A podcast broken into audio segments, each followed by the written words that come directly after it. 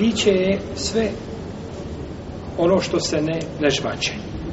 Znači što se onako guta, naziva se piće. Zato Arapi kažu pije duhan. Ješavu duhan. Pije duhan. Zato što se duhan šta? Ne, ne žvače se. Nego se direktno ide, direktno silazi niz grlo i to se naziva znači jeli, pijenjem, odnosno konzumiranjem duhana, jel, na našem jeziku, ne možemo kazati, jel. Svako podnevlje ima svoj način izražavanja, tako. Arapi kažu zaklatilo venicu. Od nas bi zato odmah možda bio priveden. Tako. Jer ne zna se ko je ciljan podlubenica. Tako. Ne zna se ko je ciljan podlubenica. čovjek mora naučiti zažavati. Piće je sve šta što se nežbače. Osnova kod pića je kao i kod hrane, da je sve halal. Da je sve halal, osim za ono zašto nam postoji šerijatski argument da je šta? Haram. I za to su dokazi brojni kada smo govorili o hrani. O tome smo govorili, znači, i argumenti ukazuju znači da sve što je od hrane došlo je osnova je da je halal sve čovjek može jesti, osim za ono zašto ima argument da mu kaže ne, to ne jede. Pa su znači dokazi isti, kada je u pitanju hrana i pića. Isto tako, dokaz je hadis Enesa Numalika u kome kaže Lekad sakajtu Rasulallahi sallallahu alaihi wa sallame bihada al-qadhi al-šarabe kullahi kaže, pojio sam iz ove posude poslanika sa svim pićima. Vodom,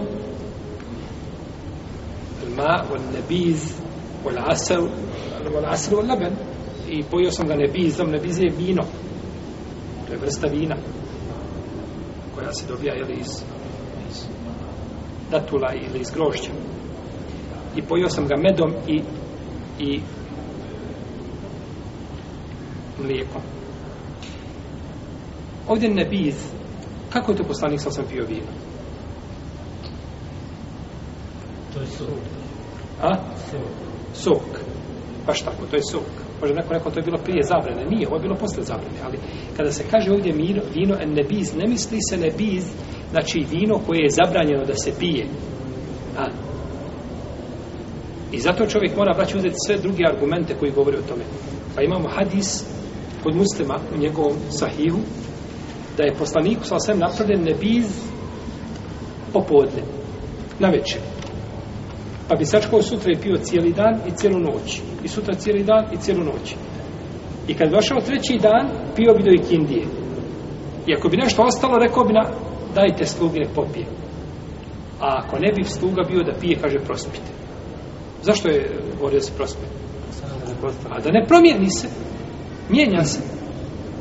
Pa dok je slatko, da se pije, znači da se konzumira, to je dozvoljeno, ovo nije dozvoljeno.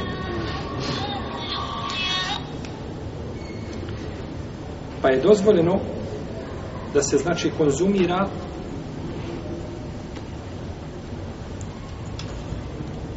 dok ne promijeni se. Protiv, ne bi poslanik sa osvrame bacao šta? I metak. To je zabranjeno, to je haram kada se abdestio, toliko je pazio na vodu. A da ne bi pazio, znači, na nešto, što je, jeli, a, što treba praviti i što treba, znači, što ne dolazi prirodnim kakvim putem. Pa poslanik, sallallahu alaihi sallame, nije pio, znači, vino. I koga bude pio ovdje, neće ga piti tamo.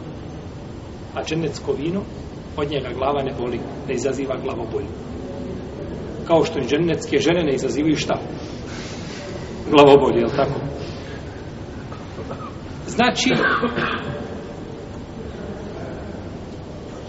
nakon trećeg dana nije bio siguran šta? Da se neće početi mijenjati. Pa je naredio poslanik sa osam da se prosvije. Pa je osnova, znači, u piću da je, da je halal. I ovo je dozirno pit po konsensu soleme, bez razila žene na ovakav način. Znači, dođe da se promijeni, znači, dođe do promjene, rastane alkohol, tada je vak zabavljeno.